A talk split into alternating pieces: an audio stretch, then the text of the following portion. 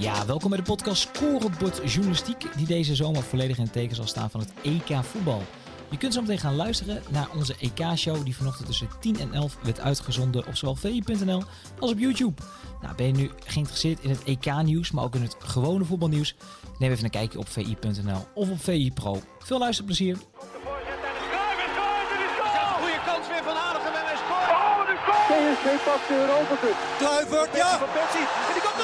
Want Depay doet het met een Panenka.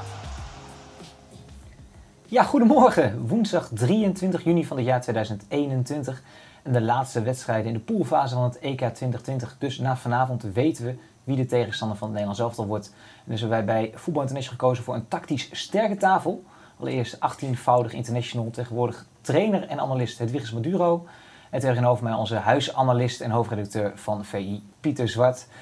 En aan mijn zijde uiteraard, zoals elke dag, Lentin Godijk voor het binnenlandse en buitenlandse nieuws. Voor jullie kijkersvragen stel ze vooral via YouTube in de chat. Maar we doen het even anders dan andere dagen, want ja, gisteren toch een beetje een bom onder de top van de eredivisie. Steven Berghuis misschien wel naar Ajax. Dus we gaan meteen even skypen met onze Ajax-watcher Freek Jansen. Freek, goedemorgen. Goedemorgen, Stef. Het was een redelijke bom gisteren. Zag jij deze aankomen? Ehm, nee, ik, ik, ik bij de hand om dit te zeggen van ja, dit zagen we al, eh, al maandenlang aankomen. Dat is niet zo. Het is wel zo dat Berghuis al wel langere tijd op de radar van Ajax, eh, Ajax staat. Ik weet dat twee jaar geleden is het wel eens over Berghuis gegaan, eh, intern. Nou, toen bleek hij ook financieel nog, nog niet direct haalbaar. Nou ja, en de afgelopen weken heeft, is dat wel uh, ter sprake gekomen. Dat heeft natuurlijk ook alles te maken met, uh, met zijn transfersom, of met zijn gelimiteerde transfersom van 4 miljoen. Ja, dat, dat, dat, ziet men ook in, in Amsterdam als een buitenkantje. Om voor dat bedrag een, een speler van het kaliber Berghuis binnen te kunnen halen. Ja, even voor ons beeld. Is het nu zo dat Ajax gewoon zich formeel gemeld heeft dan bij Feyenoord?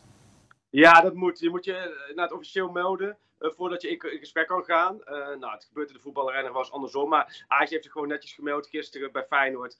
Um, en interesse kenbaar gemaakt. En dat betekent eigenlijk dat daarmee, maar daar zal Martijn Krabberdam zo verder op doorgaan, de rol van Feyenoord op dat vlak is uitgespeeld. Want er staat gewoon 4 miljoen op contract. Dus ja, Ajax kan nu het gesprek aangaan met, uh, met Berghuis. Uh, die gesprekken moeten nog gaan plaatsvinden. En dan is het gewoon aan Berghuis uh, ja, wat hij kiest. Of het, of het PSV wordt, of Wolfsburg, of nog een andere club, of Ajax. Alleen ja, je merkt wel wat je zegt gisteren. Op het moment dat naar buiten komt, Ajax meldt zich officieel voor Berghuis. Ja, dan, dan ontploft er wel een bom. Want dan heeft alles en iedereen er een mening over. En dan merk je ook dat er wel een hoop emoties loskomen in het land. Nou, wat, wat, zijn de emoties in Amsterdam? Is het nou zo van je had een van de meest waardevolle spelers uit de eredivisie, misschien wel naar Ajax? Of is het een Feyenoorder, moeten we dat wel doen? Wat proef jij?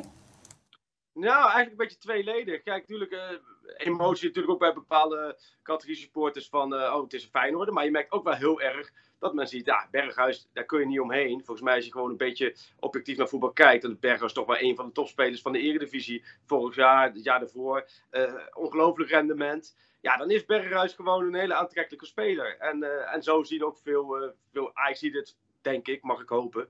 Want kijk, als je kijkt naar de bezetting voorin, je hebt Tadic, je hebt Anthony, je hebt Neres nog, maar die gaat waarschijnlijk weg.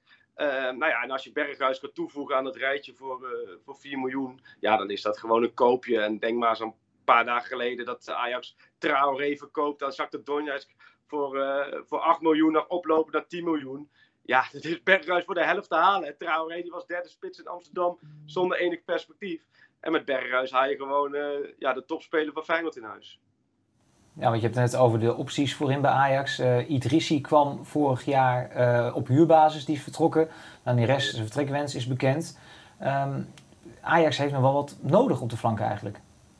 Ja, nee, precies. Kijk, Promes is natuurlijk gegaan hè, in februari naar Spartak Moskou. Nou, vlak daarvoor hadden ze Idrissi gehuurd van Sevilla. Nou, die heeft heel weinig aan spelen toegekomen. Ook omdat Tadic, Anthony en Neres gewoon uh, fit waren. Nou, Idrissi is terug naar Spanje. Dus als je kijkt naar de vleugels, dan heb je inderdaad Tadic, Neres, Anthony. Nou, de vertrekwens van uh, Neres is bekend. Dus ja, dan uh, mocht dat zo doorgaan, dan zou je toch twee buitenspelers nodig hebben. Nou, met Berghuis, ervaring, nou, we hebben het net over gehad, zijn kwaliteiten. Maar ook uh, Kamaldeen, Sulemana, waar Ajax nog vol achteraan zit. En ja, de laatste signaal is toch wel dat het wel uh, goed gaat komen. Nou, dan heb je een talent. Haal je vanuit Denemarken, genezen buitenspelen, 19 jaar geloof ik. Nou, die zal ook wat aanpassingstijd nodig uh, hebben. Had met Berghuis als dat lukt, iemand die er direct kan staan. En dan heb je met uh, en Anthony, die wel het begin missen op de Olympische Spelen. Maar dan heb je volgens mij dubbele topbezetting op de flank als, als dit slaagt in, in Amsterdam. Ja, want dat hoor ik nu een beetje, maar de Sulemana waar het over gaat, dat is nu niet van tafel nu uh, Berghuis in beeld is. Dus en, en. Nee, nee, nee, in, in tegendeel. Ik verwacht dat dat, uh, ja, dat, dat eigenlijk op uh, korte termijn wel rond gaat komen. Daar, daar zit ze al een tijd achteraan, dus hebben we volgens mij met de club Noordjeland ook wel een, een akkoord. Alleen het zit al een tijdje vast op de, de fee van de, de zaakwaarnemer van, uh, van Sulemana. Die wil, ja, wat ik begrijp, gigantisch hoog bedrag. Daar we eigenlijk niet in meegaan. Dus daar is het gesteggel al een tijdje over gaande. Uh, maar ja, als dat het, dat het is, dan verwacht je en wel dat daar op een gegeven moment witte rook uit gaat komen. Nou ja, en dan heb je met Sulemana de eerste aanvallende versterking uh, erbij. En dan, uh, nou ja, dan is het duidelijk sinds gisteren dat Ajax met Berghuis op de tweede aanvallende versterking hoopt. Ja, tot slot, we gaan zo meteen ook even bellen met Feyenoord Watje Martijn Krabbedam. Hoe realistisch verwacht je dit vanuit Ajax-oogpunt? Nou, vanuit Ajax-oogpunt realistisch, want anders hadden ze uh, zich niet gemeld. Kijk, Ajax heeft in het verleden natuurlijk wel eens vaker gekeken bij, uh, bij de andere topclubs of wat te halen viel. Alleen dan, ze onderzochten wel eerst goed van, heeft de statenspeler daar wel, wel open voor? En ik denk dat, dat je dit zo ook moet zien. Kijk, als ze signalen zouden hebben gekregen vanuit Berghuis of vanuit Kamp Berghuis dat dit kansloos was, ja, dan gaat Ajax zich ook niet, uh, niet melden. Um, ik denk dat dit een serieuze, serieuze optie is. Maar goed, de bal ligt bij Berghuis. Hij zal zelf het antwoord moeten geven. Want uh, ja, transferonderhandelingen die zijn, zijn er gewoon niet nodig met Feyenoord. Is dit de laatste stap van Ajax om het Bayern München van Nederland te worden? Ja, ik heb dat gisteren geschreven. Maar dat, en dat, vooral bij PSV hebben ze daar een beetje moeite mee om dat een beetje te kunnen plaatsen. Uh, maar goed, ik heb gezegd, kijk, tuurlijk, het is geen groot bedrag. Hè. PSV kan ook die 4 miljoen neerleggen. Dus op dat vlak is het niet het Bayern München scenario. Wat wel het Bayern München scenario is, is dat Ajax financieel natuurlijk ver weg is gelopen van de concurrentie. Alleen, dat zij nog niet de beste spelers bij de andere clubs hebben opgepikt. Natuurlijk, Wijndal hebben ze interesse in, maar ja, AZ gaat daarvoor liggen. Uh, nou, het verleden hebben ze natuurlijk ook voor Bergwijn was interesse gehad. Was ook, uh, was ook een moeilijk verhaal om die op PSV los te weken. Uh, maar verder zie je dat Ajax niet de beste spelers van PSV, Feyenoord, AZ de afgelopen jaren kan pakken. Nou ja, met Berghuis pak je wel de beste speler van Feyenoord, voor Feyenoord door. Dus ja, op dat vlak zie je daar wel ehm, een bepaald parallel met Bayern München, wat op een gegeven moment ook de beste spelers bij de concurrerende clubs in eigen land weg ging halen. En op dat vlak geldt dat natuurlijk wel als Ajax erin slaagt om, om Berghuis binnen te halen. In nieuws is Amsterdam komen we inderdaad bij jou terug hier aan tafel. Uh, is dat een versterking voor Ajax, Steven Berghuis? Zeker. Ja, ik, uh, ik vind hem een van de betere spelers, zeker aan de rechterkant met zijn linkerbeen. Past ook bij Ajax, hè? Qua, qua stijl, de speler zelf. Dus uh, ik vind het niet raar dat dat Ajax bij hem terechtkomt. Uh, het lijkt wel een beetje dat Ajax ook de, de internationals, hè, die, die, jongens die in Nederland zelf spelen, dat ze die graag willen hebben. Volgens mij denken ze ook wel een beetje van, ja, als je in het Nederlands elftal speelt, ja, dan moet je eigenlijk wel een beetje bij Ajax spelen. Dat gevoel heb ik een beetje, dat ze dat willen, graag willen. Dat is ook met Wijndal inderdaad en, uh, en nu met een Berghuis. Ja, Dumfries wordt misschien verkocht waarschijnlijk. Hè. Um, maar ja, dat gevoel uh, heerst denk ik wel een beetje in Amsterdam. En, maar ik begrijp het heel goed dat ze Berghuis willen hebben. Als jij nu Steven Berghuis was geweest en je hebt jarenlang voor Feyenoord gespeeld, belangrijkste speler geworden daar, geliefd in de Kuip. het, kan, het kan toch bijna niet? Ja, het is moeilijk. Ik weet niet hoe hij denkt. Uh, als ik hem was, uh, zou, zou, ik het niet doen. Veel gedoe, denk ik, uh, eromheen. ik denk dat hij ook naar het buitenland kan. Dat denk ik, hè. ik weet het niet. Maar Um, dus ja, dan zou ik gewoon daarvoor gaan. En, uh, ja, maar ik weet niet wat hij wilt. Dus uh, als hij heel graag naar Ajax wilt gaan, kan ik het ook wel begrijpen. Maar als ik hem was, zou ik dat niet doen. Te veel problemen. Pieter, past hij bij Ajax? Type Berghuis? Ja, op zich wel natuurlijk. Kijk, het is natuurlijk gewoon een voetballer die in de Eredivisie heeft laten zien dat hij van topniveau is of topkwaliteit is. Uh, en wat dat betreft zal hij ook weinig aanpassingen vergen bij Ajax. Het enige denk ik een puzzel wordt voor Ajax is hoe zorg je ervoor dat je dan toch ook variatie hebt op de flanken? Vaak heeft Ten natuurlijk gespeeld met eentje ja, wat meer aan de binnenkant eigenlijk een extra middenvelder en aan de andere kant een speler die echt voor diepgang zorgt. En ik denk dat dat zeg maar met de huidige samenstelling van de selectie met Anthony, die misschien ook graag altijd in de bal komt, Tadic, Berghuis, uh, dan heb je wel inderdaad een Suleimana of een Neres nodig die iets anders nog brengt uh, op die flanken. Maar ja, kijk, ja, 4 miljoen voor Berghuis uh, en je kunt die binnenhalen. Ja, sportief uh, is er niet echt heel veel tegenin te brengen om die aankoop dan te doen. Ja, voor tactisch wel interessant, want als je met Tadic en Berghuis gaat spelen, heb je eigenlijk vergelijkbare spelers bij de flanken. Dan Ja. zou je bijna zeggen dat dat niet, ja, in de Eredivisie dat waarschijnlijk kunnen, maar de grotere wedstrijden niet. Nou ja, met name in de wedstrijden waar misschien waar je ruimte wil creëren en bespelen, dan kan dat inderdaad wat eh, ingewikkelder worden. Maar goed, je kunt daar dus ook weer in de In de spits. Je ja. kunt eh, allerlei varianten erop verzinnen Ja. natuurlijk. Ja, dat denk ik dat dat gaat gebeuren. Hè. Weer Tadic in de spits. Dat doet uh, Ten Hag meestal. Hè. Uh, dan met snelheid uh, van beide kanten. Dus uh, ja, we zullen het zien. Um, ja, ik vind het, wel, ik vind het altijd wel wat.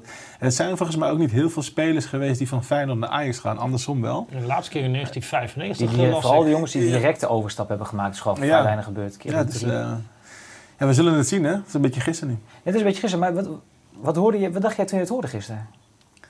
Ja, je, het, het, speelde al veel langer, toch? Je hoorde al geluiden van dat Ajax achter Berghuis uh, zat. Alleen je weet niet wat hij wil. Hè? Uh, alles hangt van hem af. Als hij wil, gaat hij gewoon. Want Ajax legt het bedrag neer. Volgens mij hebben ze het er al regel verkocht, 10 miljoen. Ja. ja. En dan kopen ze Berghuis voor 4, uh, 4 miljoen. Dan hebben ze nog 6 miljoen over. Ja, kijk hoe scheef het, de, de, de verschillen zijn, zeg maar. Um, ja, dus ik, ik, begrijp Ajax wel. Maar ik, het hangt allemaal af uh, wat hij zelf wilt, Berghuis. Ja, en ja, wat uh, Freek Jansen net al zegt, eigenlijk heeft Feyenoord niet zoveel te vertellen. Martijn Krabbe, ja. onze Feyenoord-watje, hangt inmiddels ook. Gaan we even schakelen naar Martijn. Uh, Martijn, goedemorgen ook. Ik hoorde van Freek dat Feyenoord niks te vertellen heeft. Wat zeg je? Uh, van Freek Jansen dat Feyenoord eigenlijk niks te vertellen heeft. Want ja, de clausule van 4 miljoen dus klaar. Ja, nou, dat klopt. Dus een clausule van 4 miljoen, die was eigenlijk 8 in eerste instantie. En dan gold die nog alleen voor, uh, voor buitenlandse clubs. Maar naarmate dat contract uh, zijn einde nadert, vervallen die bepalingen. En is het nu 4 miljoen, geldt het eigenlijk voor iedere club met interesse in, uh, in Berghuis. Ja, we hadden net hier aan tafel buitenlands. Dus hij, hij kan bijvoorbeeld ook naar Wolfsburg. PSV heeft interesse. is dat het rijtje op dit moment? Nou ja, volgens mij heeft hij Norwich City afgebeld. Want die hadden ook interesse. die zijn natuurlijk gepromoveerd. Maar dat zag hij zelf niet zitten. Want hij wil maar één ding. En dat is Champions League spelen. Op een hoog niveau spelen omdat hij nu bij Oranje zit en hij merkt dat hij tijdens die training natuurlijk wel goed mee kan. Dat kon je in Portugal tijdens de trainingskamp ook wel goed zien. En hij wil natuurlijk ook mee naar het EK, WK in, in Qatar, wat al over anderhalf jaar is. Dus echt een buitenlands avontuur met al die onzekerheden.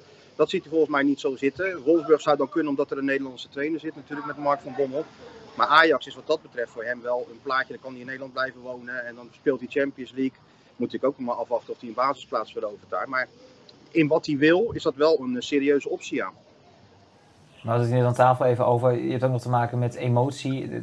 Kan dat tegenwoordig nog? Als je op een gegeven moment lang bij Feyenoord speelt, daar een grote man bent, kun je dan naar Ajax gaan, Martijn? Nou, alles kan.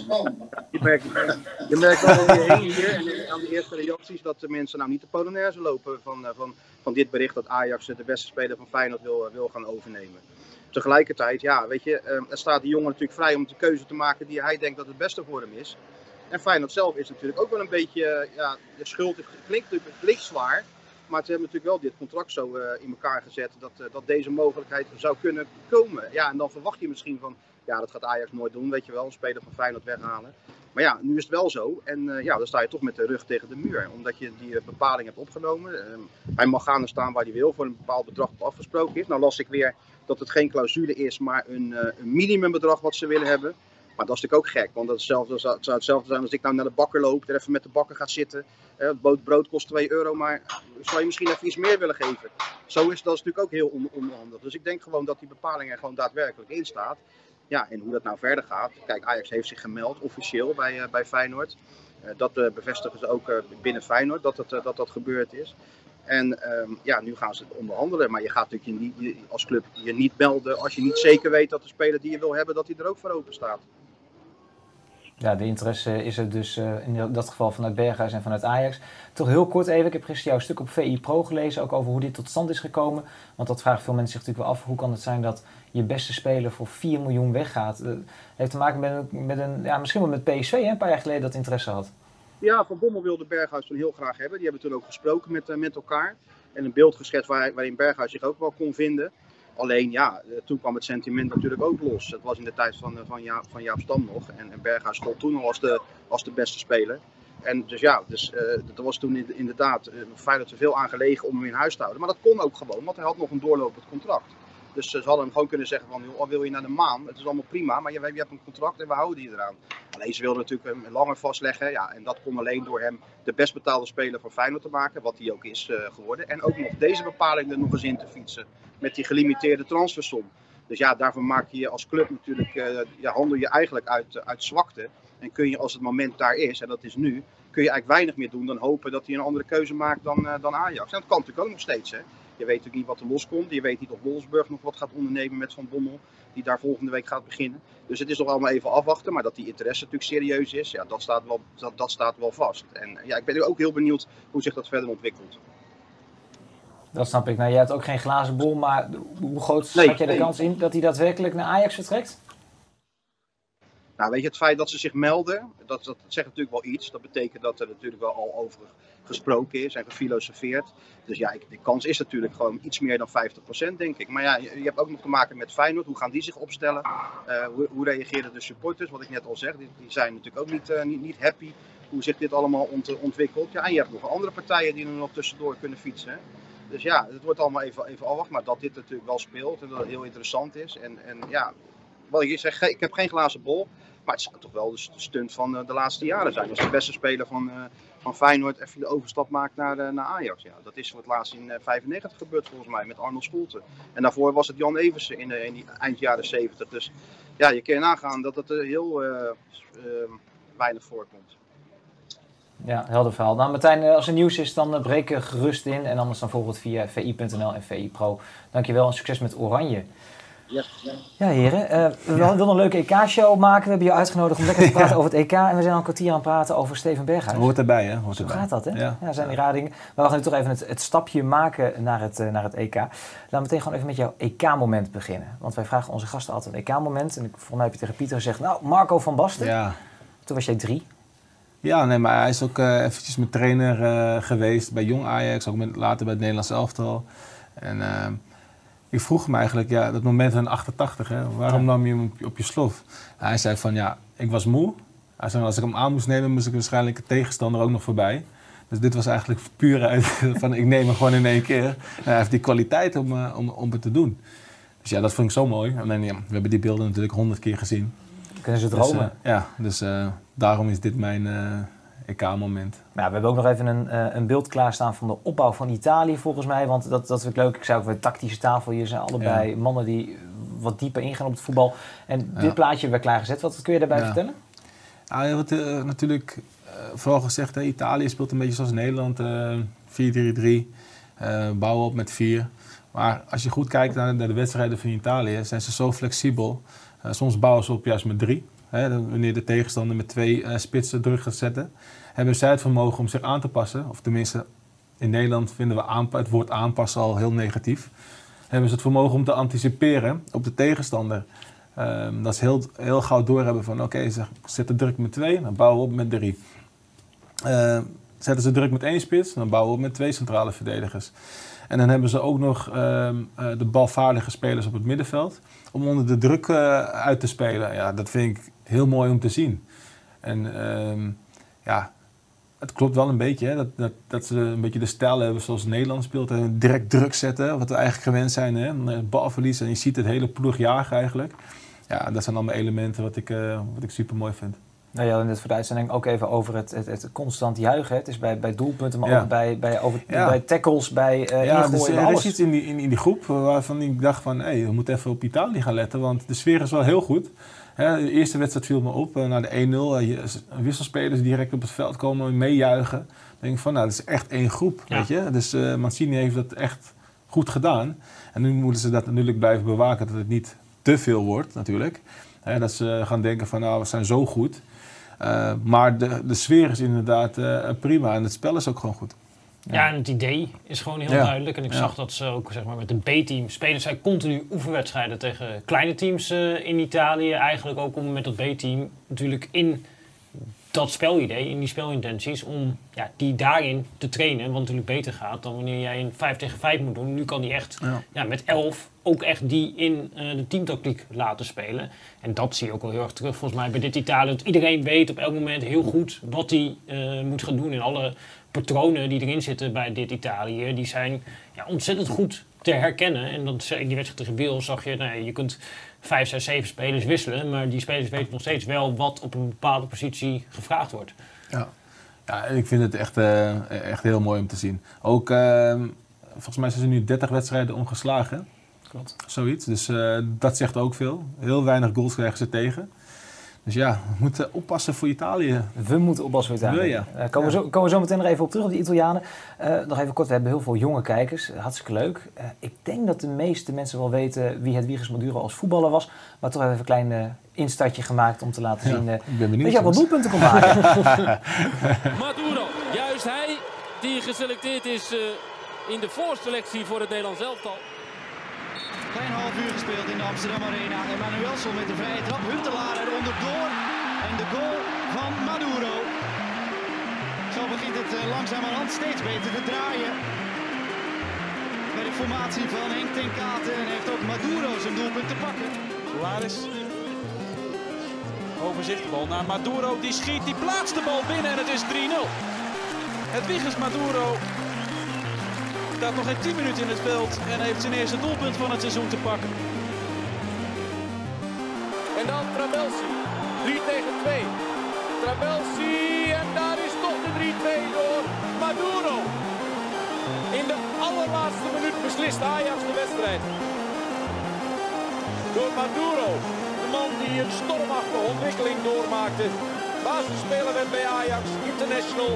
En hier de voetbalklassieker Feyenoord-Ajax beslist.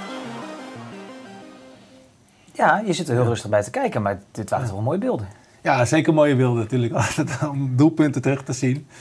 Dat blijft eigenlijk toch het lekkerste. Hè? Uh, als je een doelpunt maakt. Stadion juichen, uh, tegen uh, rivaal scoren. ja, dat is gewoon lekker. Ja, uh, tegenwoordig uh, trainer van uh, Almere City onder 21. Analist bij ESPN. bij de NOS kom je vaak langs. Ja. Vroeger gespeeld aan het rijtje is bekend. Ajax, Valencia, Sevilla, PAOK. FC Groningen en Ominia. Waar de, waar, de, waar de zon scheen vooral, ja. Ja, dat heb je, ja, je hebt de mooiste Daarom Groningen. Ja, ja daar, ik dacht van op een gegeven moment, ik heb het zuiden ben ik een beetje zat. Weet je, ik denk ik ga toch naar Groningen. Ik moet het noorden ook ervaren. Nou, dat beviel me ook heel goed. Dus, uh, heb je dat tegen je zaakbenemer gezegd? Van doe maar clubs waar het een beetje de zon scheen. Dus hij zei van, nou, ik vind je echt een mooi weervoetballer, zei hij. Dus uh, je moet naar de zon toe. Nou, dat klopt wel. Nee, ja, nee, maar ik hield altijd van Spanje. Dat is mijn droom. Altijd het Spaans voetbal. Ik keek altijd het Spaans voetbal. Dus uh, ja, dat was mijn goal, zeg maar. Uh, via Ajax naar Spanje gaan. En gelukt? Ja, uiteindelijk gelukt. Dus uh, ja, ik ben super trots erop. Ik ga ook nog vaak naar Spanje toe. Um, ja, ik, ik, vind de league gewoon super mooi om te zien. Heel veel technisch voetbal, tactisch voetbal. ja, past ook wel bij mijn stijl. Past bij je voetbalstijl, ja. wat dat betreft. Ja. Nou, heel mooi, we gaan zo meteen even hebben over de, de trainer, het virus Maduro. We gaan eerst even naar Lentin. Uh, want Lentin, uh, de tegenstander van de Oranje wordt bekend vanavond. Kun je ons een beetje meenemen wie dat wordt? Het is in elk geval een stukje duidelijker geworden gisteravond. Ik zag trouwens geen doelpunten van het Nederlands elftal van jou, het virus tussen zitten. Nee, die, die heb ik ook niet gemaakt. Hè? maar, maar wel een assist, hè? Ook bij Naldum. Assist. Die zijn ook belangrijk. Nee, we hadden natuurlijk gisteren een heel verhaal hier. Ik had volgens mij ook alweer iets verkeerd gezegd. Want het was zo onduidelijk wie Oranje nou kon treffen natuurlijk. Nu weten we ietsje meer. Want er zijn eigenlijk maar twee scenario's denkbaar. Uh, we hebben de nummers drie even op een rijtje gezet. Misschien kunnen we dat even in beeld brengen. Kijk, dit, uh, dit is hoe het er nu naar uitziet. Dan zouden we de nummers 3 van A, C, D en F doorgaan. En in dat geval krijgen wij de nummer 3 van pool F. Nou, dat is de pool des doods. Hè. Dat is op dit moment Portugal die derde staat. Maar het hangt dus allemaal van vanavond af. Want als Spanje wint van Slowakije, daar mogen we toch wel een klein beetje van uitgaan. En als Zweden niet verliest van Polen, dan gaat de nummer 3 van pool E door. En dan ontlopen wij dus Portugal, Duitsland en Frankrijk en krijgen we de Tsjechen in uh, de achtste finale. Daar hebben we overigens uh, wisselende ervaringen mee, maar daarover later. Uh, mochten we nou toch die Portugezen treffen in de achtste finale, dan hebben we toch nog even iemand geregeld. Want ik had gisteren een oproepje gedaan aan uh, Galibula Roes. En hij heeft laten weten dat hij beschikbaar is voor Frank de Boer. dus mochten we die Portugezen ja. treffen, dan uh, schuiven we de kannibaal naar voren. En dan gaat hij het voor ons oplossen. Schijnt alleen niet te mogen, want er is een speler afgevallen vandaag, maar hij, hij mag niet meer opgeroepen worden. Ja, maar dan vinden we vast wel uh, een maas in de wet daarvoor. ja. ja, dat was een wedstrijd hoor, die. 2006 hè, was dat, dat zat ik, ik zat op de bank bij die wedstrijd. Ja, je zat op in de selectie natuurlijk. Ja, ja dat was een wedstrijd. Dat ging, uh, dat ging er hard aan toe op een gegeven moment. Geen uh, rode kaarten. Ben je het veld nog ingelopen op een gegeven moment? Of? Nou, ik, uh, het was een de hele aanloop aan die wedstrijd was, was best wel heftig. Want Ehm, bijvoorbeeld Van Nistelrooy werd gepasseerd. Hè, in die wedstrijd. Kuit in de spits, hè? Kuit in de, kuit in de spits. Dus eh, Van Nistelrooy was zeg maar, eh, op zijn zacht gezegd pist. En daar zat ik naast op de, op de bank. Dus eh, dat was best wel heftig eh, om te horen, zeg maar. Hè? Dus als je kansen miste, zei je, nou, die zou ik gescoord hebben. dat zijn die ook gewoon op de bank. ja, ja, maar ja, dat is, ja, dat is, dat zijn mooie dingen achteraf. Hè? Maar ook die, die wedstrijd was hard, joh. Dat ging op een gegeven moment... Zou hij eens nu ook zo kaart, kijken naar. Weghorst? eh, Ja. op de bank, dat hij nu al zo Ja, ziet, het, daar zit hij, ja, maar ja, hij was eh, natuurlijk de ster eigenlijk. Hè, het gepasseerd. En eh, dan wil hij spelen en dan zit je te verbijten. Dat begreep ik ook wel. En dan krijg je een kans. En dan ga, volgens mij op de lat eh, de, Ja. een grote kans. En eh, dat je denkt van, ah, die had ik gescoord, weet je. Op zo'n manier. Maar dat is, eh, ja, die wedstrijd was zo hard. En op een gegeven moment ook na de wedstrijd, jongen. die Simao, die kende een aantal Nederlandse woorden. Weet je, scheldwoorden. Ja. Van via Heitinga volgens mij en Atletico. Die zat ons helemaal ja, belachelijk te maken, laten we het zo zeggen, na afloop. Dus bijna vechten met z'n allen daar. In- die catacombe, In die eh? catacombe, ja. Dat ging er nog hard aan toe, hè. De rode kaarten, gele kaarten natuurlijk. Dus ja, dat was wel een, eh, was een goede wedstrijd. Maar hoe graag jij je dan? Ben je dan de rust zelf? Ja, ik, was, ik was jong, dus ik dacht, wat, wat gebeurt hier allemaal? Ik zat om me heen te kijken. Nou, een grote Ruud van Nistelrooy staat naast me. En ik zat die wedstrijd te kijken natuurlijk ook. Ik wist eigenlijk gewoon mijn rol. We speelden met Cocu, nou, echt een varen middenveld natuurlijk. Dus ik, dacht, ja, ik zat te leren, te, te kijken. Ik denk van, oké, dit gebeurt ook, weet je. Eh, nieuwe situatie, unieke situatie. Er werd zoveel eh kaarten uitgedeeld, dus het spel stond de hele tijd stil. Dus ja, eh, achteraf zit je te kijken en denk je van, nou, daar heb je ook weer wat, wat van geleerd, toch? Nooit meer meegemaakt Nooit waarschijnlijk. meer meegemaakt, nee, daarna. Echt niet. Eh, Lente, even terug naar jou. De buitenlandse media, maar ook even het laatste oranje nieuws. Luc de Jong, hè? Ja, Luc de Jong ehm, heeft een knieblessure opgelopen op de training. Hè. We hebben het volgens mij wel eh, gezien allemaal, de botsing met Cody Gakpo. En ehm, ja, vanochtend is duidelijk geworden dat het eh, einde EK is voor hem. Toch wel heel erg eh, sneu natuurlijk. Het, ja, de ultieme supersub hè, van Nederland zelf al, al een aantal jaar. En die, die valt nu weg. Dus wel een enorme domper voor hem. En ik denk ook wel voor, voor Frank de Boer. Want ja, plan B vervalt een beetje. Hè? Ja, plan B Ja. is, eh, dat, dat was Luc de Jong. Dat is misschien nu Wout Weghorst wel weer dan. Ja. Ja, denk je dat, hè, Gries? Ik, denk, ik, denk dat, ja, ik denk dat hij met Malen gaat spelen. Of nu. Ik heb toevallig gisteren die training eh, gezien. En ik zag ook, ik let op een aantal dingetjes. Aan Malen en, en, en Memphis Depay, die komen samen trainingsveld op. Die hebben de hele training samengelopen, gelachen. Ik denk van, nou, die klik is sowieso goed. Nou, aan, bij Vlagen een aantal goede momenten natuurlijk eh, gezien. Hè? Heel snel één of twee keer raken. Tussen die twee. Kan nog wel beter hoor. Die afstemming. Maar ehm, ja, ik denk dat hij dat die gaat wisselen. Ik denk dat, dat Weghorst eh, op de bank gaat beginnen. Dat denk ik. Dan, dan hebben we dus weer een plan B met Wout Weghorst, Ja. eh, Lente. Opgelost, dat is makkelijk zo hier eh, aan tafel. Ja. We gaan inderdaad dus ook nog even de buitenlandse media behandelen. Want Engeland speelde natuurlijk gisteren en ze hebben weer gewonnen. Perfecte wedstrijd was het niet, maar eh, nou ja, de drie punten zijn binnen. Ze hebben nog steeds geen enkel tegendoelpunt gekregen. En ja, het was wel een beetje de avond van Jack Grealish. Die mocht eindelijk in de basis beginnen in plaats van Mason Mount. Die in isolatie moest omdat hij in contact was geweest met, eh, met Billy Gilmore. Daar was trouwens ook veel kritiek op. Maar Grealish mocht spelen en hij stelde eh, ja, niet teleur. Volgens mij hier aan tafel hebben we het ook al vaak over gehad. Het is wel een speler voor, voor de liefhebbers. En dat liet hij eigenlijk gisteravond ook weer zien. Maar ehm, ja, Gary Lineker die zei ook een beetje cynisch achteraf van... nou, wie had dat nou verwacht? Dat Jack Grealish een goede speler zou zijn. Eh Bukayo Saka kreeg trouwens ook veel complimenten. 19 jaar jong, mocht in de basis beginnen boven Jadon Sancho.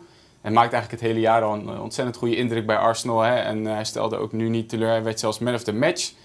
19 jaartjes jong. Hij verdient eh, een half miljoen per jaar bij Arsenal. Terwijl Aubameyang verdient volgens mij 13 miljoen per jaar. Dat geeft wel aan over hoe snel hij eigenlijk naar boven is gekomen... en wat zijn status nog is eh, in de selectie van Arsenal. Maar zeker een eh, talent om in de gaten te houden. Dan gaan we nog even naar eh, Schotland, want die eh, liggen er natuurlijk uit. En dat is eigenlijk de schuld van, van één man. Luka Modric was geweldig op dreef. Volgens mij Wat hebben we er ook een foto van. Ja, deze is geweldig, toch? Buitenkantje voet. Perfect. Volgens mij heeft hij de hele, de hele wedstrijd geen enkel bal met zijn binnenkant gespeeld. Het was allemaal Nee, buitenkantje in neerleggen. de tweede helft had hij ook weer zo'n paas hè, over de verdediging heen. Maar deze bal raakt hij perfect. In slow motion is hij nog lekkerder om te zien, hè, achter het goal. Zo, Dan zie je hem zo'n beetje draaien. erbuiten draaien en dan ja, weer naar Ah, ja, prachtig. mooi. mooi. Ja, ze genieten toch. Dan nog even naar Spanje, want die eh, spelen dus vanavond, had ik het net over. Dat is voor ons erg belangrijk eh, als ze gaan winnen. En in de Spaanse media eh, hebben ze toch nog maar even een zetje in de rug gegeven. Wij vertrouwen op jullie. En eh, nou ja, dan, moet het, dan moet het maar goed komen met die Spanjaarden. Tot slot, nog een quizvraag. Want die moet ik even aan jullie ook stellen hier aan tafel. We hebben namelijk een nieuwe app uh, waarin je quizjes kunt spelen met je vrienden. Daarover later meer uitleg. Maar een quizvraag, even testen of jullie hem aan tafel weten. Niet hardop zeggen, want dan kunnen onze kijkers ook mee chatten. Maar uh, Nederland zelf kan natuurlijk mogelijk spelen tegen Tsjechië. Hè? De laatste keer was in oktober 2015. Toen werd het 2-3 voor de Tsjechen in de Johan Cruijff Arena. Mede door een eigen doelpunt van het Nederlands elftal. Maar wie maakte die eigen goal? Vier opties. Optie A, Jeffrey Bruma. Optie B, Robin van Persie. C, Klaas-Jan Huntelaar. Of D, Sven van Beek. Weet je het antwoord? Laat het even weten hier in de chat. Weten jullie het? Ja, dat kan er maar één keer zijn, toch? Sven, als je kijkt, sorry, is niet persoonlijk bedoeld. Zo flauw, zo flauw. Je hebt nog een bumpertje ervan, toch? Ja, ja, die komt uh, nu. Weet jij alles over voetbal? Speel dan mee met de slimste fans. Met de slimste fans test je jouw voetbalkennis door dagelijks mee te spelen met een actuele voetbalquiz. Start onderlinge competities met je vrienden, speel badges vrij en stijg in het klassement. Download nu de app en speel mee met de slimste fans. We hebben gewoon een eigen quiz, hè? We hebben Lente met, met zijn eigen quizjasje aan. Het, is, het, het wordt steeds beter, dit uh, programma. Nou ja, het, is, het is een leuke, leuke quiz, hoor. Ik weet niet of je hem al eens Ik heb hem gedownload. Ik heb hem gedownload, ja. Ik durf alleen niet tegen jou te spelen, Pieter. Nou, toch iedere morgen Ja, een punt van je, frustratie ja. als je een vraagje fout hebt, hoor. Ja, ja, ja. samengesteld onder meer door meerdere mensen, maar onder meer door Michel Abink. Dus dan weet je dat er ook moeilijke vragen tussen zitten. Ja, die krijgt altijd als feedback dat hij uh, de vragen wat makkelijker moet maken. Precies dat, precies dat. Dat was dit nog een vrij makkelijke vraag van Lente. Maar laat het vooral weten in de comments als je het antwoord weet. Um, we gaan even naar het Nederlands elftal toe. We hebben jou gevraagd om jouw favoriete opstelling van Oranje te maken. We hebben er twee gekregen. Eentje in 4-2-3-1 en eentje in de Ja. inmiddels bekende 5-3-2. Eens kijken of we die kunnen pakken. Praat ons eens bij. Ja, nou, dit, is, zou, dit zou mijn startformatie eh, zijn. Eh, vooral eh, met de achterliggende gedachte dat je ook met deze spelers kan schuiven naar een 3-5-2 eh, systeem. Eigenlijk wat we nu spelen. En daar is Blind, eh, kan daar key zijn op het middenveld. Die kan eh, eh, tussen de twee centralen komen en dan speel je eigenlijk hetzelfde. Uh, Belga's kan een beetje naar binnen komen en, en Malen en, en, en, en Depay kunnen in de spits staan. Met Wijnaldum op 10. Um, dus eigenlijk een beetje wat ik net heb verteld over Italië, dat zou je ook met Nederland kunnen doen. Dus kunnen anticiperen op de tegenstander. Dus uh, speelt de tegenstander inderdaad met twee spitsen, kan blind uitzakken tussen de twee, of zelfs Frenkie de Jong.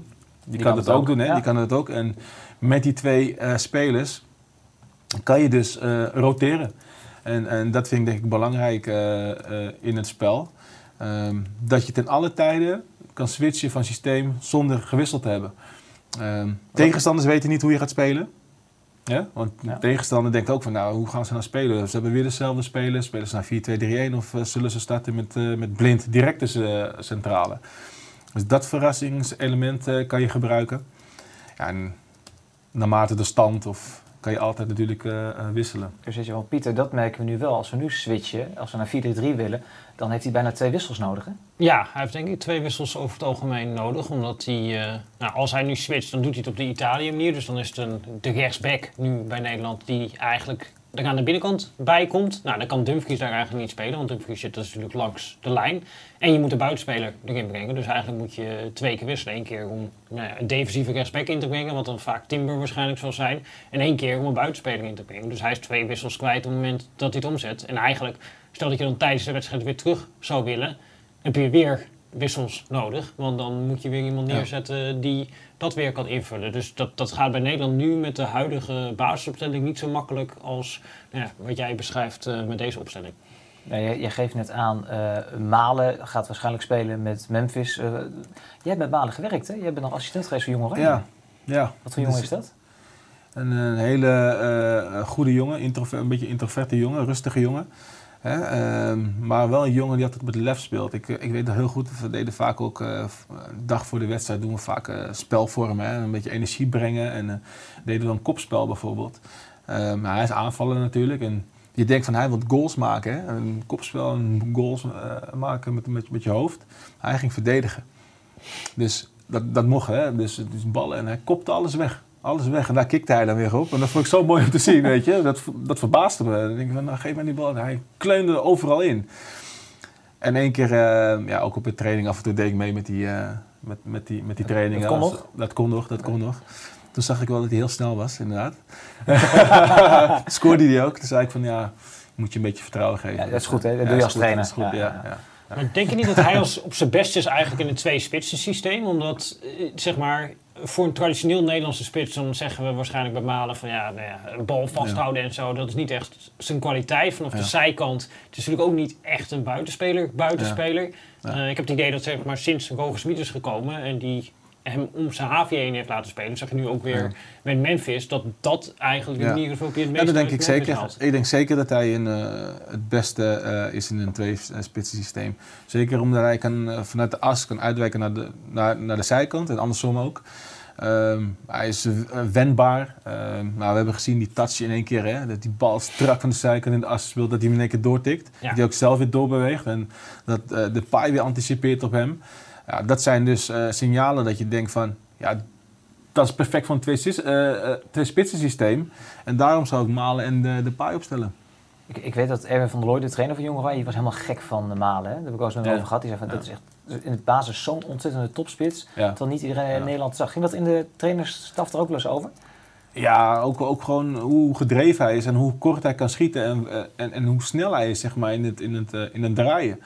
Ehm, ja, dat heb je nodig eh, als spits tegenwoordig. En ook, ook, ook vanuit stilstand zeg maar, versnellen. Ja, dat heeft hij allemaal. Dus een hele complete eh, spits. Ehm, dynamische spits. Misschien nog wat, wat verbeteren in het afwerken. Echt in het koelbloedig zijn daarin. Was ook een schotmoment bijvoorbeeld. Hè, dat hij koos om zelf te schieten. Eerste helft. Dat hij wild was, zeg maar. Dat hij hem eigenlijk ook op de paai kon meegeven. Dat soort kleine momentjes moet hij nog wel verbeteren. Maar hij is nog relatief jong. Daarom, dus dat komt ook wel goed hoor. En Dortmund wordt nu genoemd. Lijkt je dat een goede bestemming voor hem? Ja, zeker. Zeker in, dat, in zijn stijl, daar past hij eh, heel goed in, denk ik. Eh sowieso in, de, in een beetje in de Bundesliga en eh Premier League zie ik hem wel eh, eh, stappen maken. Ik denk dat Bundesliga wel heel goed bij hem past, moet ik zeggen. Omdat het ook een beetje gericht is op counter, ja, eh, omschakel en eh, ehm, ja, eh, zeg maar tegenstander lokken. En als je weet dat je de bal veroveren binnen een aantal seconden moet je voor het goal zijn. Dan past hij perfect in. Ja, en je hebt bij Jong Oranje ook met de andere jongens, Dumfries volgens mij ook hè? Dumfries ook, ja. Dumfries, eh, dat was een aardige, aardige selectie toen. Hadden we eh, ja, Dumfries inderdaad. ehm nou, Koopmijnen zat erbij toen. Hè. Die zit nu op de bank bij het Nederlands elftal. Uh, Kluivert zat er nog eh, zat erbij. Malen inderdaad, ja. Dus eh was een leuke selectie hoor. Dumfries ook snel gegaan dan hè? Ja, die heb ik wel aangepakt op de training hoor. Dat kan je me ook wel navragen. Een paar keer goed geblokt. Wat dan? Nou ja, gewoon dan kom je in duel Gewoon met elkaar. Ja, ja. ja, die beelden zijn er nog wel ergens. Dat, dat- die ben ik ook benieuwd naar dan. Hoe fit ben jij nog? Nou, kijk, fit, fit. Wat is fit, hè? Hoe bedoel je echt fit om eh, wedstrijden te Kun- spelen? Of, eh, Ja, als jij Dumfries nog kan blokken, dan... Ja, dat, maar dat is al anderhalf jaar geleden. Als het, de tijd gaat sneller. Maar ehm, ja, ik- kijk, met de trainingspartij kan je nog wel meedoen. Echt Nu, als je me nu vraagt om 90 minuten te gaan spelen, waarschijnlijk niet. Niet meer. Maar eh, ja, als je zegt eh, twee keer acht minuten of twee keer tien minuten, ja, dan, dat lukt me nog wel. Oké, helder. Lentin, heb jij inmiddels eh, wat kijkersvragen? Zeker.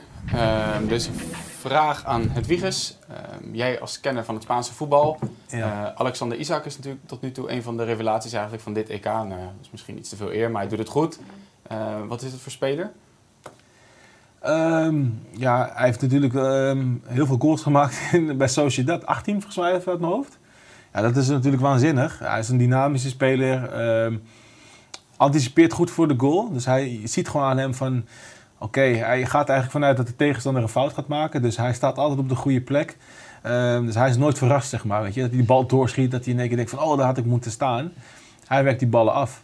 Ehm, hij is vaardig. Dat zagen we ook bij, bij Zweden met een actie. Ehm, op een gegeven moment die drie of vier man voorbij ja. gingen. Hè?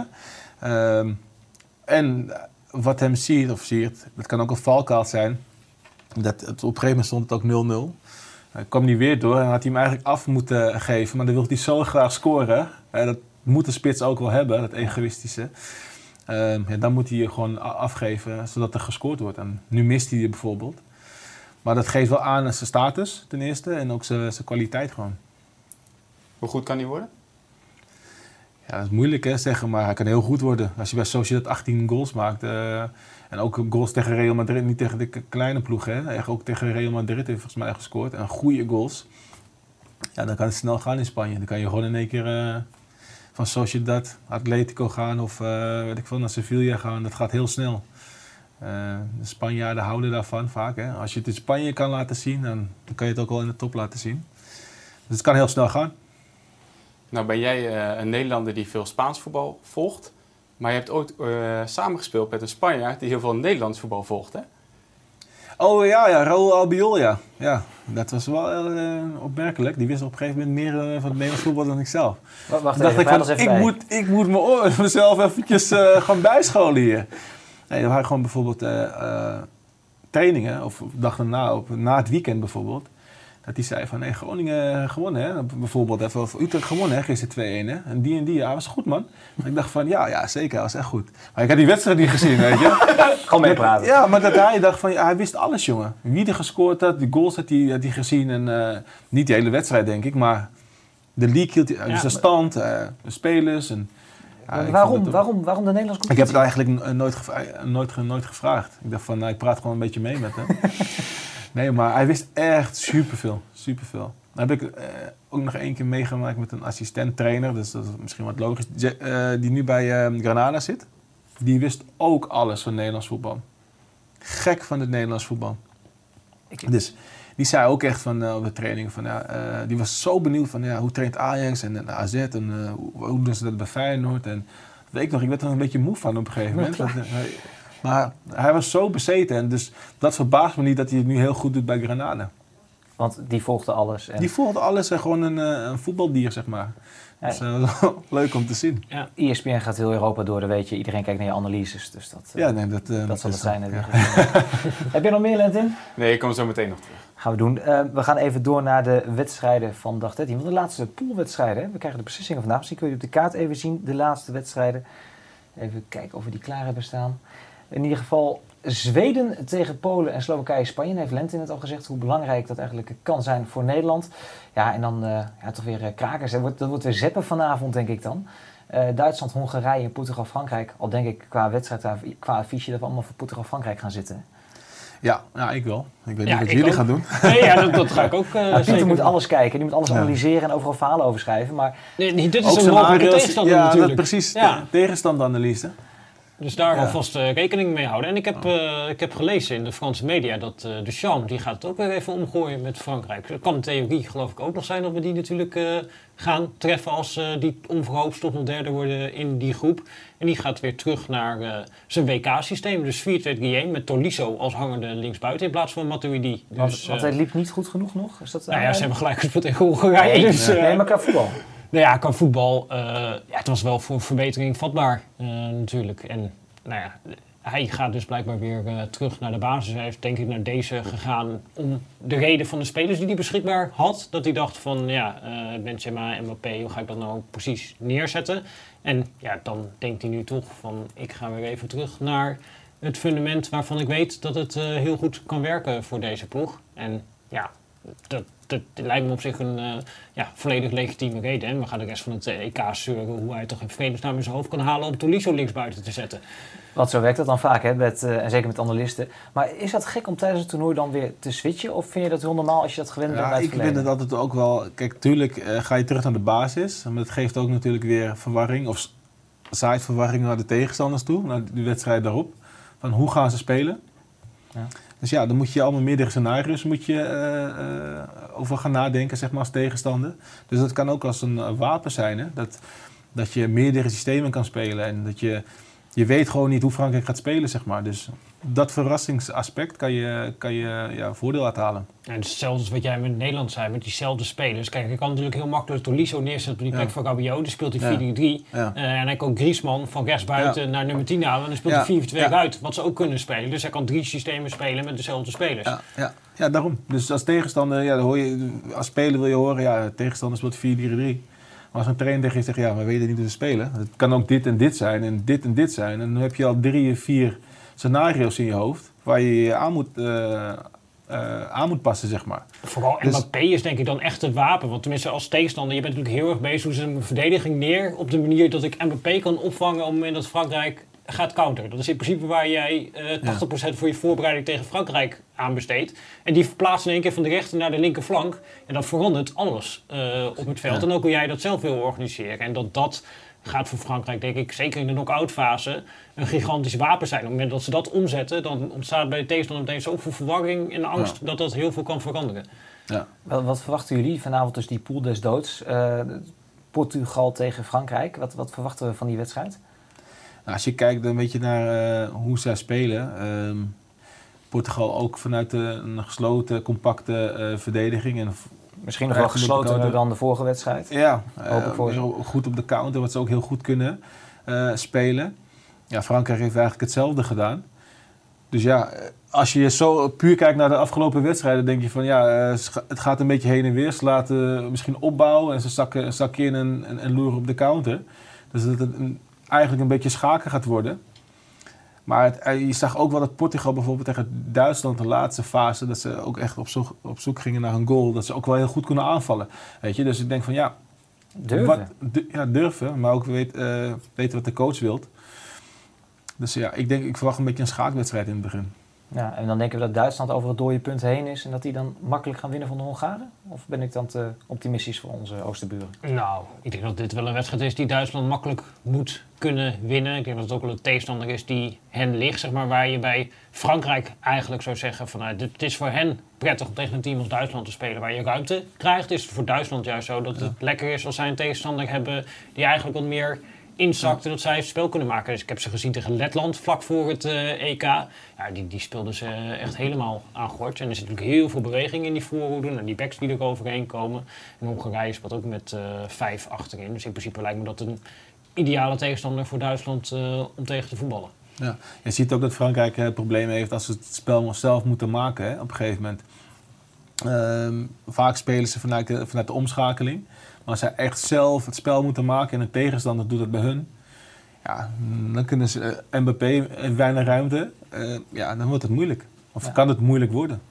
Oké, dus we gaan een wedstrijdje makkelijk Duitsland en een wedstrijdje schaken tussen eh, Portugal en Frankrijk. En die allebei Ja. de bal niet willen waarschijnlijk. Ja. Die allebei Ja, denken, ja, neem jij de bal Neem maar. jij de bal maar, ja. Dus ik zit me nu heel te verheugen op de kraken vanavond. En als ik jullie zo beluister als experts, dan Ja, eh, Nou, de tweede helft gaat denk ik wel wat gebeuren. Tenminste, Ja. dat dan... met eh, oog op dus de pool. Gegeven de stand zal er inderdaad Ja. iets moeten gebeuren. Iedere wedstrijd heeft Portugal tot nu toe op een gegeven moment Renato Sanchez gebracht als controleur voor de defensie. En dan, ja, dan in één keer wordt het allemaal wat meer open. Dus eh, de eerste helft een beetje doorbijten en dan de tweede helft gaat het gebeuren. Ja. Oké, dat helft je dus zeppen. Eh, wel leuk, van tevoren eh, praten we altijd even een beetje van waar gaan we het over hebben en zo. En toen, eh Pieter heeft natuurlijk veel contacten. Jullie zijn allebei gek van eh, analyses en data en dat soort zaken. Het was van, wat ik leuk vind om te bespreken, ik heb het opgeschreven hoor. Kouwen in de as. en, en Wiegers, ik denk, ik ga gisteren googelen. Ik bereid mij voor op zo'n uitzending. Dus kouwen niet. in de as. Ik vind niks. Ik doe kouwen in de as voetbal. Dan ging het over voetballers die veel kauwgom kauwen, waardoor ze beter zouden gaan voetballen. Neem ons even mee. Dit is, jij bent trainer van eh, Almere onder 21. Ja. Grappig, je zegt net ook al van eh, leuk als ploegen tijdens een wedstrijd in meerdere formaties kunnen spelen. Dat Ja. kan Almere onder 21 dus ook, heb ik me net laten vertellen. Maar kauwen in de as, dat is de, wat vroeger voor mij waarschijnlijk de halfspacers waren of de halftienen. Wat ik ook allemaal niet begreep en inmiddels wel. Dus Ja. neem ons eens mee. Nee, ja, kijk, kouwen. Ten eerste moet je naar die jongens een beetje in hun eigen taal eh, moet je ze benaderen. Hè. Dus ja, ik ben eens gaan luisteren van, ja, je kan zeggen opeten, duels winnen, duelleren. Ja, vaak eh, zeggen die jongens, hey, je moet die jongen kouwen, weet je. Dus ik dacht, nou, oké, kouwen, die neem ik mee. Dus eh ja, in de as betekent bijvoorbeeld, eh, ja, ik zet bijvoorbeeld druk met de buitenspeler. Dus ik laat de back vrij. Dus vaak gaat de tegenstander en de, de vrije bekken opzoeken natuurlijk of eh, die willen ze bereiken. Dus, maar dat gebeurt vaak via de as, via een middenvelder. Dan willen ze een driehoekje maken. Dus ik, ja, ik heb mijn spelers zeg maar wel voorbereid. Laat ze die bal spelen en als die bal gegeven wordt, ja, dan moet je ze kouwen daar.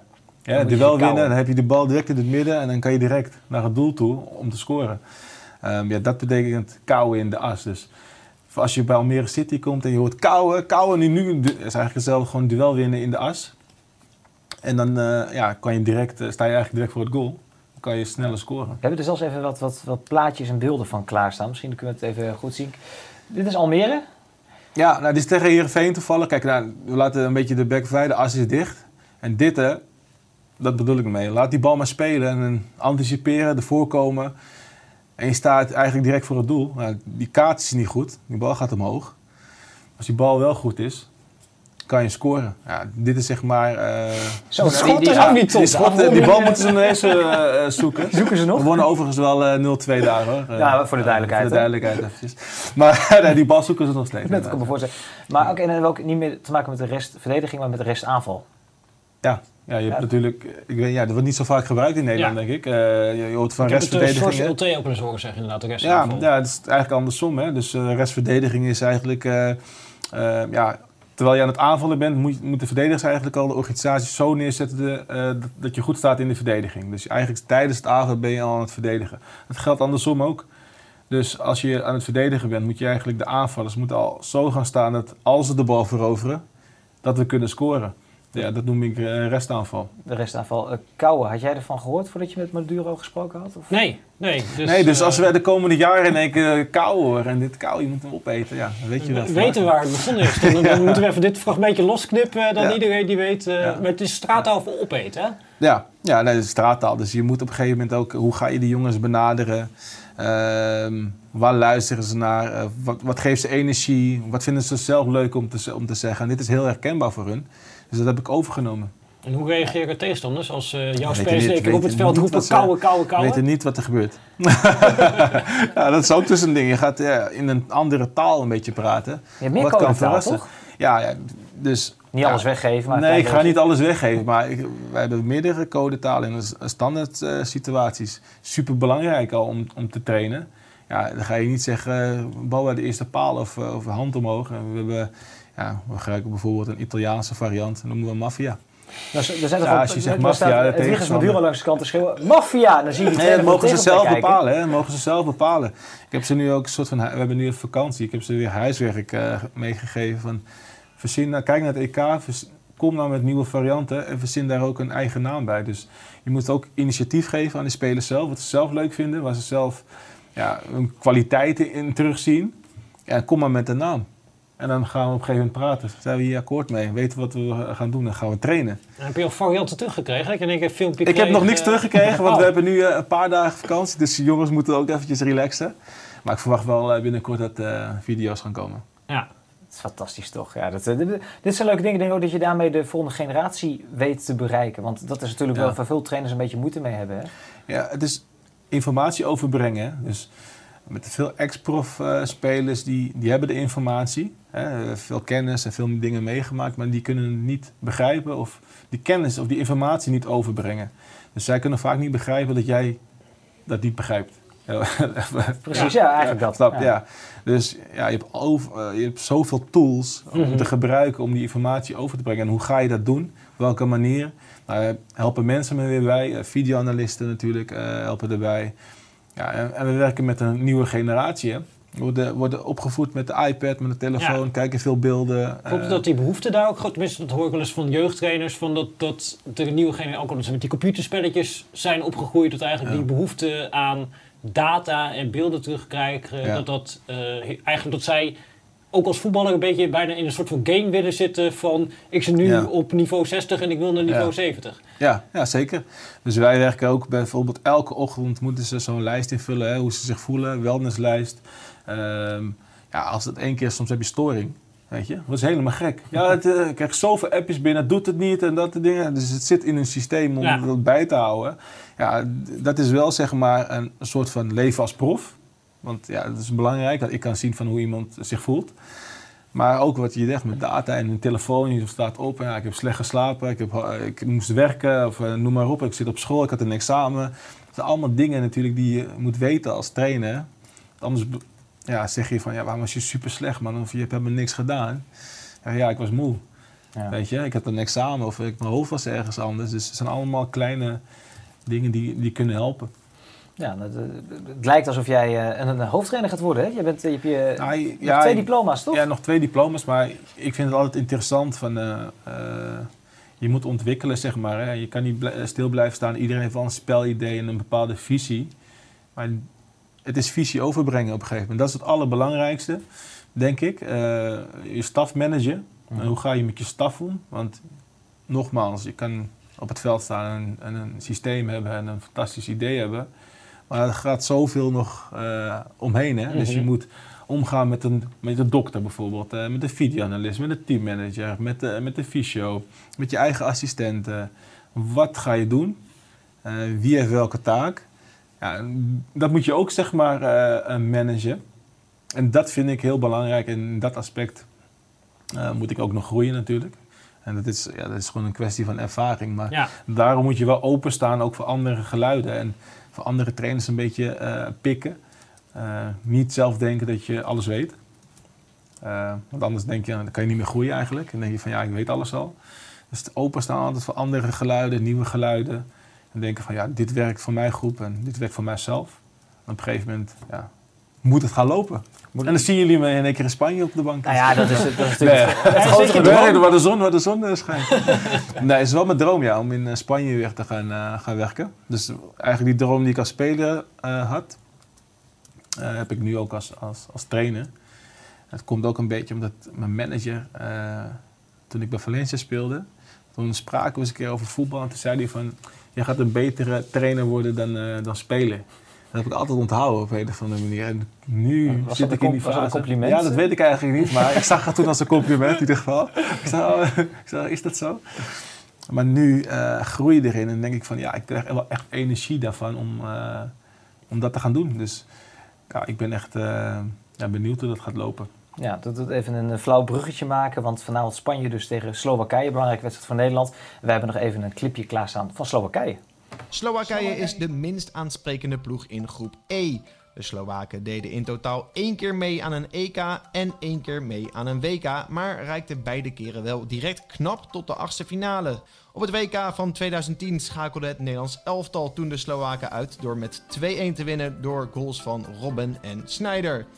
Stefan Tarkovic is momenteel de interim bondscoach van de Slowaken. Hij volgde de in oktober vertrokken Pavel Hapal op en moet de Slowaken leiden naar glorie op het huidige EK. Sterspeler moet wel Marek Hamzik zijn.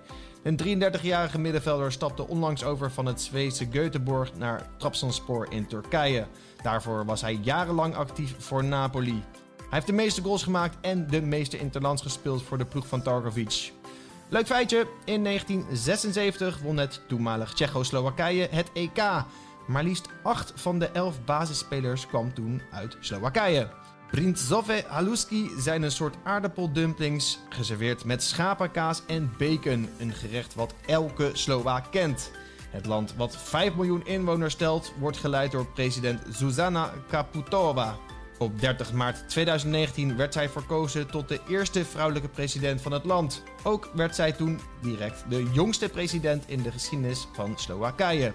Groningen-speler Thomas Suslov maakte ook deel uit van de selectie. Hij zei als jong ventje altijd tegen zijn vader dat hij droomde om ooit samen te spelen met de legend Marek Hamzik. Zoals Pieter Zwart al terecht opmerkte, we hebben heel veel kookinspiratie eh, voor de komende dagen. Ik, ik kan het niet herhalen, maar we, we, het is allemaal na te lezen, denk ik. Hè? VI.nl, recepten. Eh, nou, eh, Ruben Aartsen moet je gewoon eh, benaderen en die, eh, die kan je in alle informatie helpen. Die heeft hele recepten. Lentin, heb jij nog wat kijkersvragen voor ons? Absoluut. Ehm, ik neem eerst even wat andere nieuwtjes met jullie door. Want ehm, het lijkt er nu toch wel op dat PSV Davy Prupper gaat eh, presenteren. Ze hebben net al een heel eh, cryptisch tweetje eruit gegooid. Eh, het is toch niet helemaal officieel, maar waarschijnlijk de komende minuten. Hij liep er gisteren al, hè? Hij, liep, hij was gisteren al gespot, ja, dus daar hoeven we ook niet heel geheimzinnig over te doen. Maar die eh, komt dus terug bij PSV. Ehm ander nieuws vanuit Spanje nog eventjes, want daar staat Jordi Alba op de voorpagina van El Mundo Deportivo. Want Internationale zou hem willen overnemen. Nou is dat even de vraag of dat echt gaat gebeuren, want hij heeft nog een doorlopend contract tot 2024 en hij is natuurlijk al 32. Jij kent hem volgens mij nog best wel goed. Ja, ja, zeker. Heel goed zelfs. Kon hij jou een beetje broertje. bijhouden op de training? Klein- Ja, zeker. Hij is bloed- bloedsnel, maar hij was nog heel jong. Hè? Dus ik eh, had hem toen nog geen rijbewijs, dus ik bracht hem elke training, of elke dag naar de training, heen en terug. Dus we hebben veel gesprekken eh, samen gevoerd, hoor, jarenlang. Dus eh, hij stond eens linksbuiten. Hij wilde geen eens linksback spelen. hè. Dus ik zei, nou, op een gegeven moment wist ik dat Unai Emery hem linksback wilde maken. Eh, in de voorbereiding. Maar dat wilde hij eigenlijk niet. Toen heb ik wel op hem inge- in- ingesproken van... In Spanje had je alleen maar Cap de Villa op dat moment. Mhm. En wij hadden Moretti, dat was ook zeg maar een, een ervaren eh, linksback. Dus daar lagen echt enorm veel kansen. En we hadden eh, als linksbuiten hadden Vicente, Matta, Silva op een gegeven moment. Dus daar maakte hij geen kans. Dus ik zeg, ga nou linksback spelen, man. Dan zit je nou de, de kletsen, jongen. En hoe wij spelen, we komen met, met aanvallende backs. Uiteindelijk heeft hij gedaan en ja, de rest is geschiedenis. Dankzij het is Maduro. nee, maar ik ken hem echt heel goed. Hè. Dat is echt, eh, ik zie het een beetje als, als mijn kleine broertje. Nog steeds contact? Ja, nou, regelmatig hebben we nog contact, ja. Dus eh, het is echt, eh, ik heb zoveel dingen met hem meegemaakt. Niet alles kan ik vertellen Nee. natuurlijk, maar... eh, Ik ben toch wel benieuwd. Dat komt Nee, na de uitzending eh, waarschijnlijk. Ja, joh, maar ik vind het ook heel mooi, want ik, ik mijn beste vrienden, die, die komen af en toe ook naar, die kwamen af en toe naar Valencia en dan gingen we in de tuin en dan kwam hij ook en dan gingen we, hadden we een barbecue, dan gingen we een rondootje doen in de tuin. Weet je, maar toen hadden we nog helemaal geen social media echt, hè, in, die- in die periode, geen foto's en zo, dat was allemaal normaal. Dus nu werken mijn beste vrienden zitten op een kantoor en al die verhalen en dan scoort Jordi Alba weer een assist en dan zeggen ze van, ja, met, eh, ik heb met hem gebarbecued en een rondetje gedaan in de tuin. En niemand gelooft ze. Ja, laat zien dan die foto's. Ja, die hebben we niet. Maar dat is echt zo, weet je. Dat is super mooi, man. Geweldig, geweldig. Moet je dan een kinderzitje hebben als eh Jordi naast jou zit in de auto? Nou, ja, bijna wel. Nee, maar dat laten we niet horen, dit, hè. Nee, maar hij is... Eh, je hij eruit, was, eruit. Nee, ja, dat, is wel, nee, dat is echt een hele goede, goede gozer. Is het. Tot slot eh, een vraag van Tijmen. Die wil graag een aantal voorspellingen voor vanavond. Dat is natuurlijk altijd lekker concreet. Die ga ik even snel met jullie doornemen. Niet te lang bij nadenken. Zweden-Polen, Pieter. Zweden-Polen. 1-0 voor Zweden. Hedwiges. 1-1, Oké. Spanje-Slowakije. 1-0 voor Spanje. 2-0. Duitsland-Hongarije. 4-0. Eh 3-0. En tot slot Portugal-Frankrijk, de kaker van vanavond. 1-1. 1-2. Stef, Eh 2-1 Frankrijk. staat genoteerd. Dan weten jullie dat er vast voor vanavond. Kunnen jullie een totertje inzetten of eh, misschien niet. Ja, Lente, dankjewel. Ja, daar wil ik tot slot even mee eindigen. Want eh, jij weet natuurlijk al wie de Europees kampioen wordt. Ja, dat weet ik toevallig. Want, Nee. nee, nee, nee. nee, maar, Nee, dat zou wel wat zijn als ik dat zou wisten. Nee, maar je hebt je, Of hebt je, moeder, je, hebt je moeder gebeld. Ja, mijn moeder eh, heeft af en toe eh, van die dagen dat ze, dat ze veel voorspellingen goed heeft. Ik zit even te kijken. In 2018 op het WK had ze 13 wedstrijden op Ja. rij goed voorspeld. Ja, ja 13 wedstrijden op rij, dat was echt bizar. Eh, dat was echt bizar. Op een gegeven moment moest ik een wedstrijd analyseren. Zuid-Korea tegen Duitsland. En ik was in Hilversum en ik was in Almere, daar wonen ze. En eh, de hele dag zegt mijn moeder, Zuid-Korea gaat winnen, jongen. Let nou maar op. Ik zeg, hou nou op. Ik zeg, eh, Duitsland is wereldkampioen. Ik zeg, hou nou op, maar Zuid-Korea... Zuid-Korea gaat winnen. Dus die wedstrijd wordt gespeeld en eh, Zuid-Korea wint met 2-0. Dus iedereen zegt in die uitzending van ja, dat had niemand verwacht. Hè? En dus ik zeg ja, voor de grap. Ja, mijn moeder wel. Weet je, zegt de hele dag al, Zuid-Korea gaat winnen. Ja, en toen gingen ze me, ja, heb je moeder even voor de komende wedstrijden. Dus nou, vier wedstrijden, alle vier goed. Nou, dat is de vijf. Eh, de dag ook alles goed. En het ging zomaar door. En mensen gingen geld erop inzetten. En die wonnen echt veel geld, hè. Die kwamen eh, voor de deur bij mijn ouders met champagneflessen. En eh, dat was echt op een gegeven moment een, een hype. Ja, dat is nog steeds een beetje zo. En recent was je op de radio, toen had je ook Ja. alles goed, hè? Ja, nou, op de radio goed. En toevallig, gisteren was ze nog op de radio eh, bij eh Koen en Sander show toevallig. Ja. had ze weer alles goed over de uitslagen van gisteren. Dus eh, Maar je hebt er zelf ook een keer wel geld over verdiend. Je bent een keer, nou, dat hoorde ik inderdaad bij 538. Jij bent in het casino geweest. Ja, dat was, een, nee, dat was een bizar verhaal. Dat was met mijn moeder. Dat was ik eh, op vakantie eh, met mijn beste vriend inderdaad. Las Vegas. En, eh, Las Vegas. En mijn moeder zegt, ja, ga lekker op, op vakantie. En, we bellen altijd. Maar zeg ik, zal je niet bellen, alleen bij noodsituaties, zeg maar. Ik zeg, nou, is goed. Dus op een gegeven moment dag twee. Ik word gebeld door mijn moeder. Ik denk van, wat is er aan de hand, toch? Dus, je maakt je bijna zorgen. Ja, ik maak me zorgen. Ik pak mijn telefoon. Ik, ik neem hem ook zo op. Want ma, wat is er aan de hand? En ze zegt niks, maar loop je langs de roulette tafel? Ik zeg ja, ja, toevallig wel. Ik stond echt langs een tafel. Dus ik stond echt maar hier, tafel stond hier. Ze zegt en ik, ja, je moet op 12 spelen. En mijn beste vriend weet dat. Is dat je moeder? Ik zeg ja, we moeten op 12 spelen. Dus alle twee op 12 gezet. De tafel was helemaal leeg en niemand speelde er ook. Van 12. ja, geloof mij nog maar, dat was, was een leuke vakantie. Dat kan ik me voorstellen, ja. Ja, ja, dat is echt bizar. Maar zulke dingen heeft, heeft zij. Bij momenten, hè. niet altijd. Niet dat zij eh, elke dag eh, dat heeft. Maar Maar, maar kun je dan nu, om tot slot even vertellen wie dan Europees kampioen wordt? Dan eh, kunnen we mijn moeder heeft vanaf het begin Italië gezegd. Dus, maar dat was mijn gevoel ook een beetje. Dus eh, ja, mijn moeder zegt Italië. Nou, dan kunnen we daar heel veel geld aan gaan verdienen. Nou, bij deze voor de mensen die nog wat eh, tips willen hebben voor, voor de Toto of alle andere platformen. Italië wordt Europees kampioen, want Maduro, eh, Maduro zegt dat. Eh, allemaal bedankt voor het kijken. Jullie bedankt voor jullie komst. En morgen zijn we hier weer. En voor iedereen die zich zorgen maakte met Suleiman Öztürk. Eh veel plezier vanavond met de groep Des Doods en tot morgen. Goede kans weer van Aardigem en hij scoort. PSV pakt de Europa Cup. Kluivert, ja. Van Persie. En die komt erin. Ja. Depay doet het met een Panenka.